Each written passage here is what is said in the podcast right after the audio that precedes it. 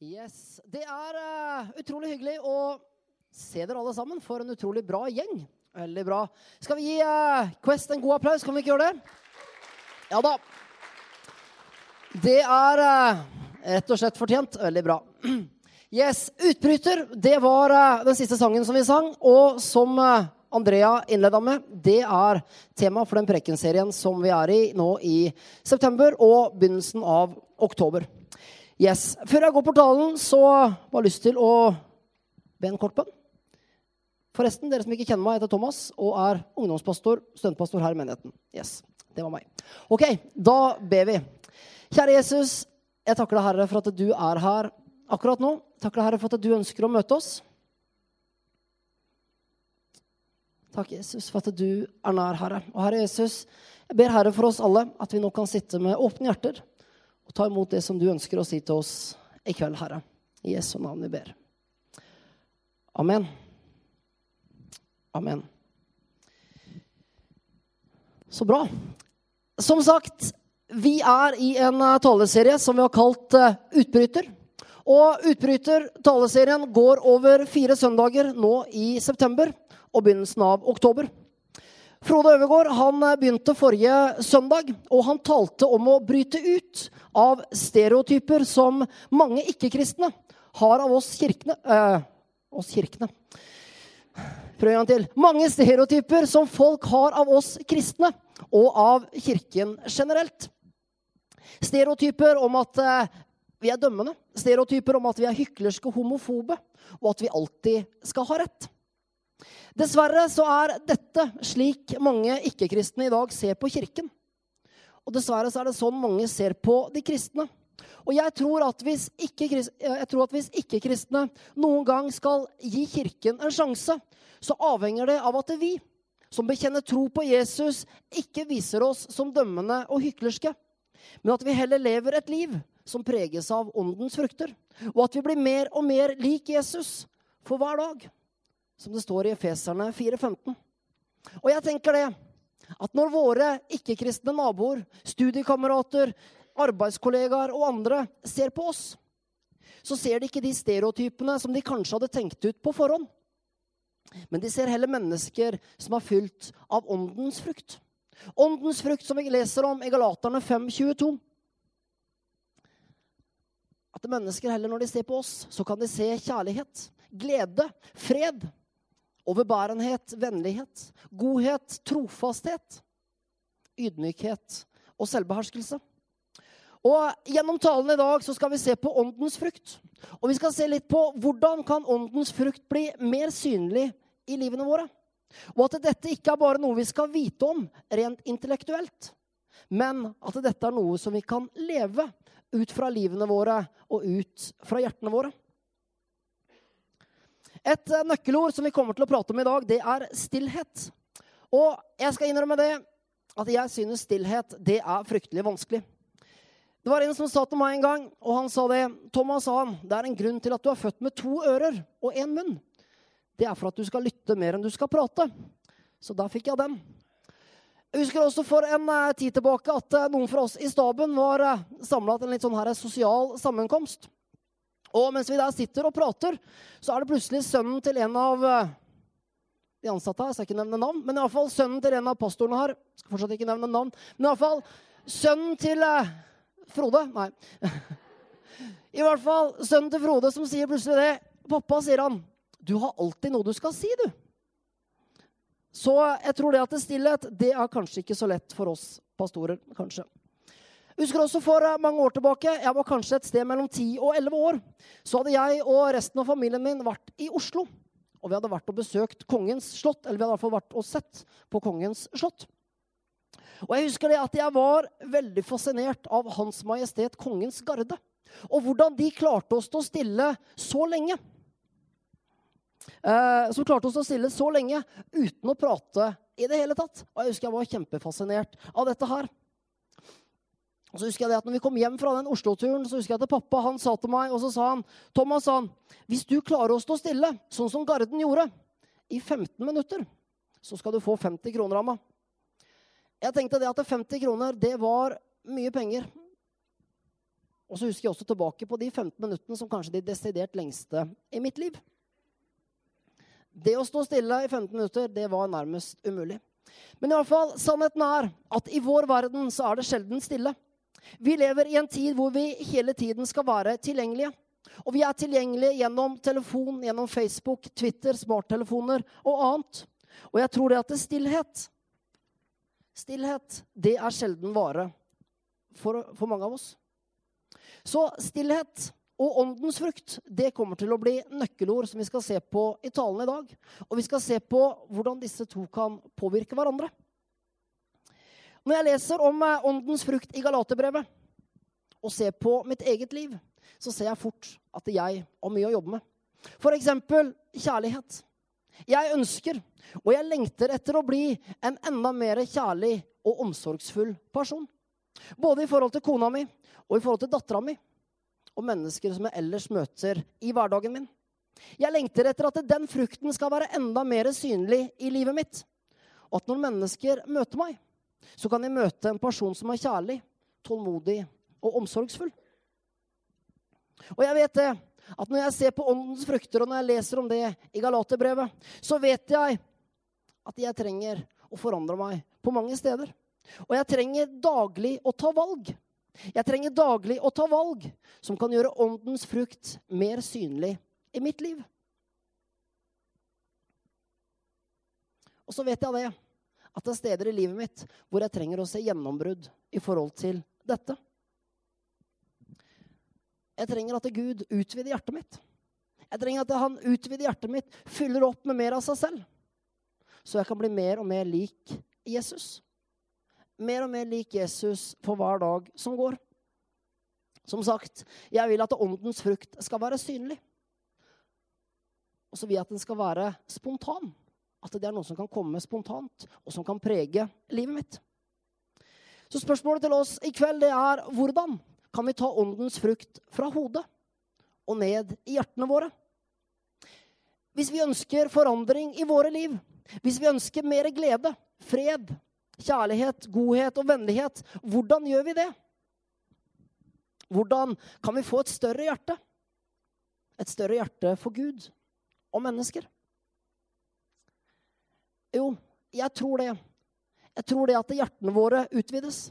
Jeg tror det at hjertene våre fylles med glede, fred, kjærlighet, godhet og vennlighet. Ved at vi i våre travle hverdager setter av tid til stillhet, refleksjon og bønn. Og jeg vet at Dette her, det er ikke noen ny og sånn her revolusjonerende undervisning. i det hele tatt. Men jeg tror at velger vi dette i hverdagen vår, velger vi tid til stillhet, refleksjon og bønn i våre travle hverdager, så tror jeg det at vi vil forandres. Jeg tror at For mange mennesker så ser livene deres slik ut. At eh, man lever et liv og så kommer det til et punkt hvor man sier ja til Jesus. Hvor man velger å si ja, Jesus, jeg ønsker å tro på deg. Og fra det punktet så fortsetter man å leve sitt gamle, vanlige liv. Og dessverre så er det sånn at eh, Jesuslivet, det nye livet, det ja som man har sagt til Jesus Dessverre så er det ofte sånn at det ja-et ikke får noen konsekvens for måten man lever livet på. Troen på Jesus får av og til liten konsekvens for oss. Og i dag så har jeg lyst til å utfordre, utfordre oss. Og jeg vet at med dette så utfordrer jeg like mye meg selv. Hva trenger jeg? Hva trenger jeg å legge til i livet mitt for å vokse? For å vokse i troen på Jesus. Når vi leser i Bibelen, så uh, ser vi at Bibelens menn og kvinner de prioriterte tid til stillhet, refleksjon og bønn i sine hverdager. Vi leser mange ganger i evangeliene om Jesus som trakk seg tilbake. Jesus han trakk seg tilbake for å være alene. Han hadde tid med Gud. Tid i stillhet. Tid til å reflektere. Og tid til å be. Kong David han hadde det på samme måte. Tid til stillhet, refleksjon og bønn. I Salme 1 og vers 2-3 så skriver han salig er den som har sin glede i Herrens lov og grunner på Hans lov dag og natt. Hvem er han lik? Jo, han er lik et tre plantet ved rennende vann. Det gir frukt i rett tid, og løvet visner ikke. Alt han gjør, skal lykkes. Jeg vet at eh, For mange av oss så kan, eh, så kan det være vanskelig å sette av tid til stillhet i en travel hverdag.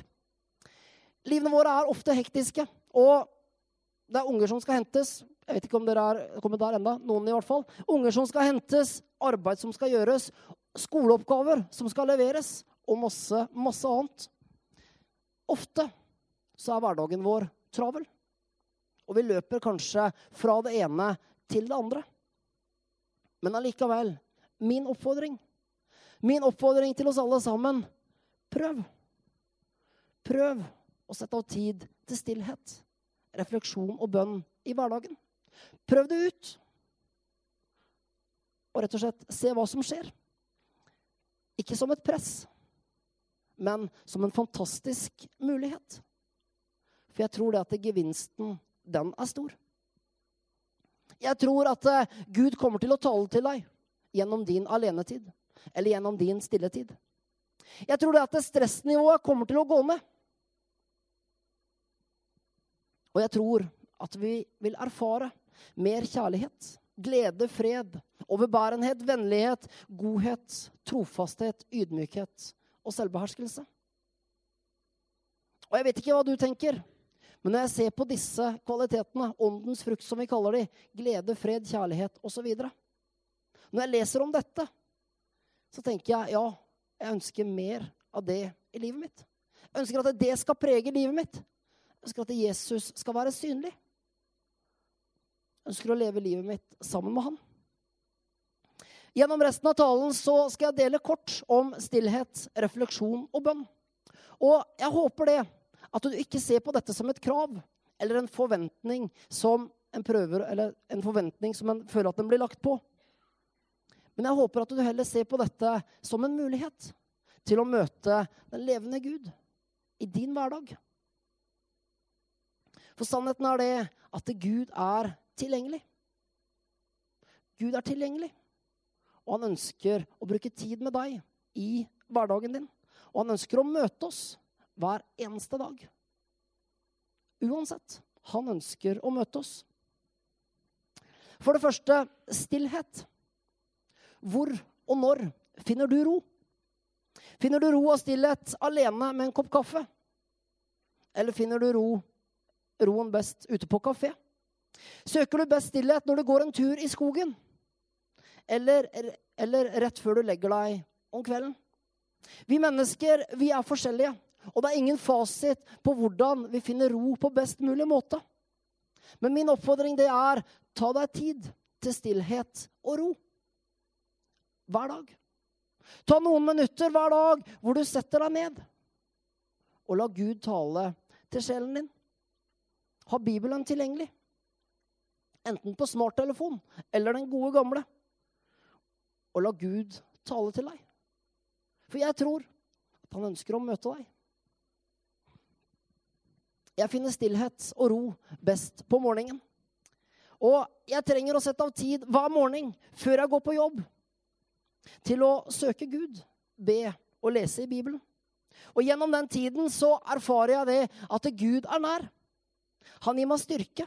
Han gir meg kraft og pågangsmot til en ny dag. Og jeg vet det at uten tiden med Jesus på morgenen så hadde jeg ikke klart å fungere i mitt liv og i min tjeneste. Tiden med Jesus, hvor jeg ber og leser litt i Bibelen, den opplever jeg den er helt avgjørende for livet mitt. For hos Jesus, som sagt, da henter jeg kraft, styrke, pågangsmot. Og så syns jeg det er fantastisk å bare ha noen minutter på morgenen der hvor jeg kan sette meg ned, ta en kopp kaffe og vite det at Jesus er nær.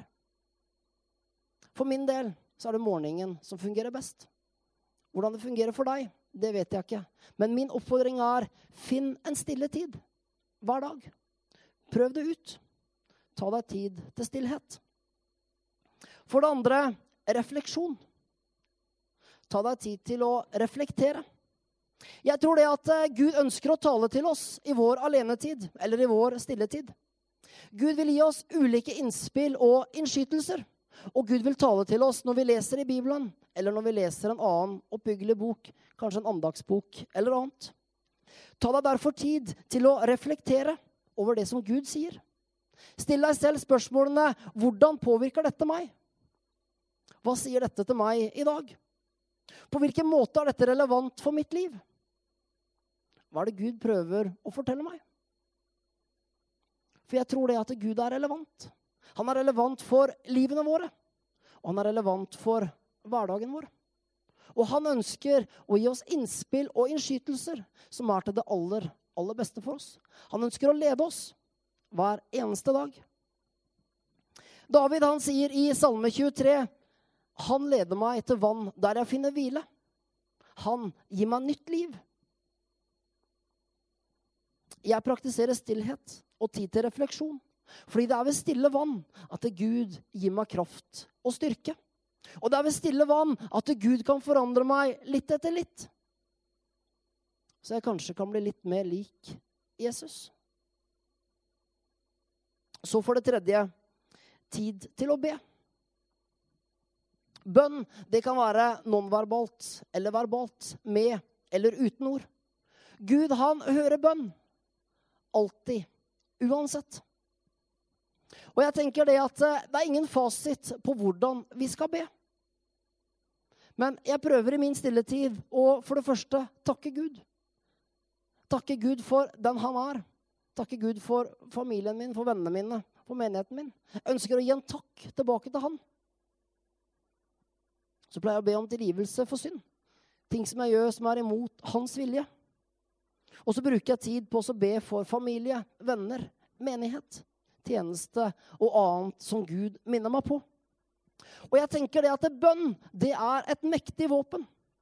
Og jeg tror at det er gjennom bønn ekte og varig forandring skjer. Sett derfor av tid til å be. Om det så bare er noen minutter hver dag. Jeg har tidligere fortalt mitt vitnesbyrd om hvordan fem minutter med bønn og litt bibel hver dag Jeg fortalt om hvordan fem minutter forandra livet mitt. For å bruke fem minutter med Jesus hver dag så opplevde jeg plutselig at Jesus var nær. Han svarte på bønn. Han var ikke langt borte, men han var nær. Han var relevant for dagen i dag.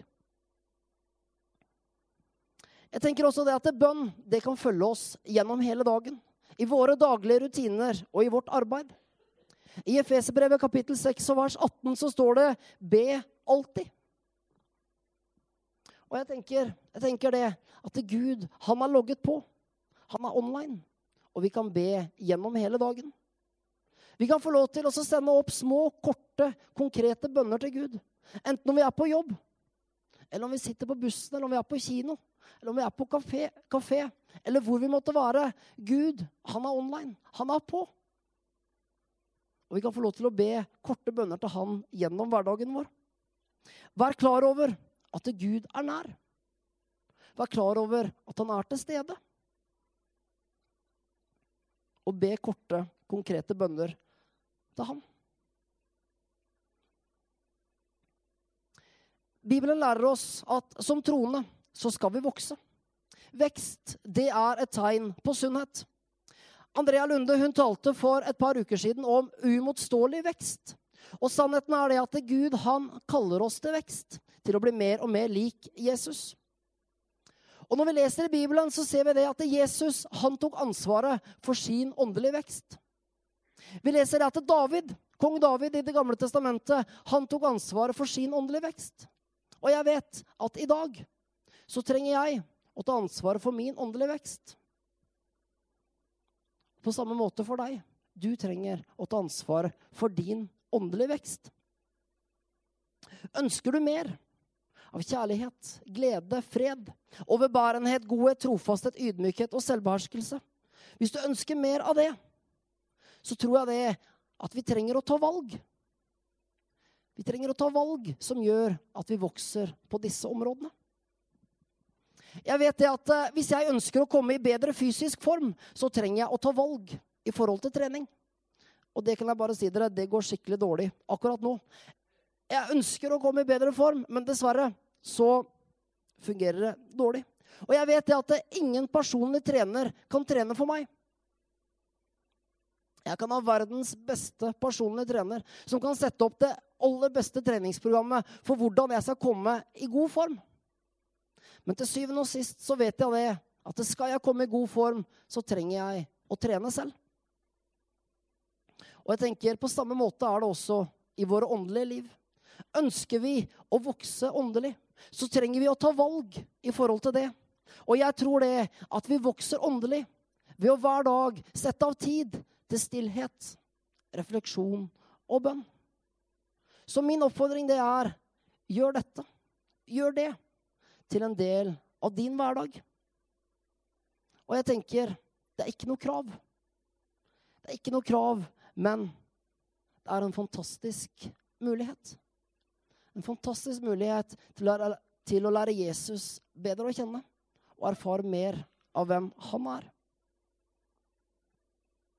Gjør det til en del av din hverdag, og begynn i det små. Begynn med noen minutter hver dag. Helt til slutt så skal jeg fortelle en historie om en mann som het Thomas Carlyle. Bra bilde. I hvert fall, Jeg skal fortelle en historie om en mann som het Thomas Carlyle. Og Thomas Carlyle han var en eh, stor historiker og forfatter som står bak mange kjente, verk, kjente verk.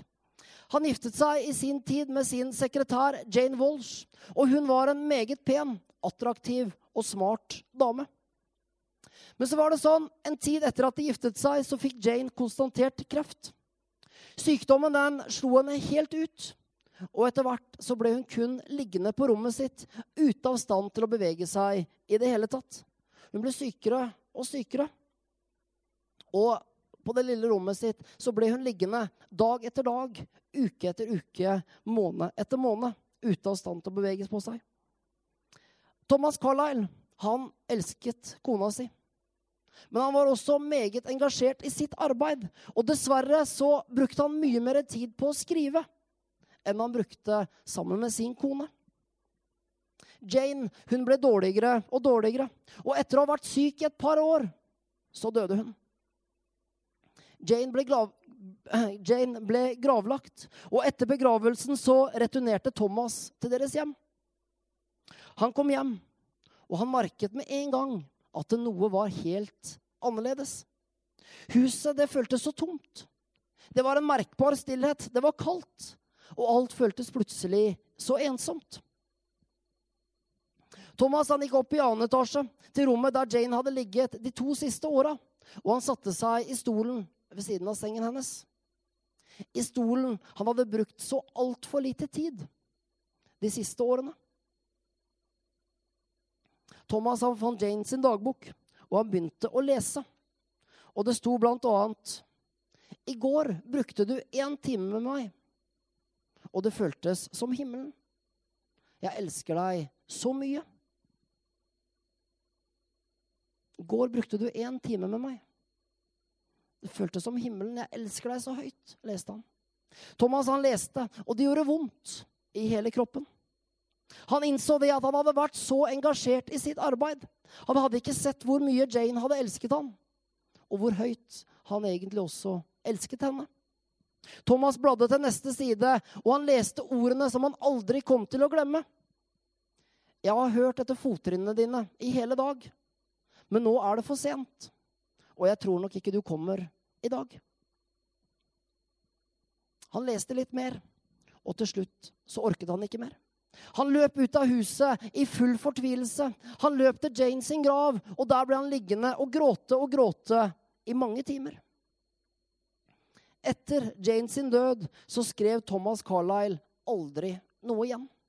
Han levde i 15 år til, men han sa at de 15 siste årene de var tomme og meningsløse. Han mista det. Han mista kjærligheten, gleden, vennskapet. Han mista til slutt hele hensikten med å leve. Han hadde ikke tatt seg tid. Sannheten er at i dag så venter Gud på meg og deg.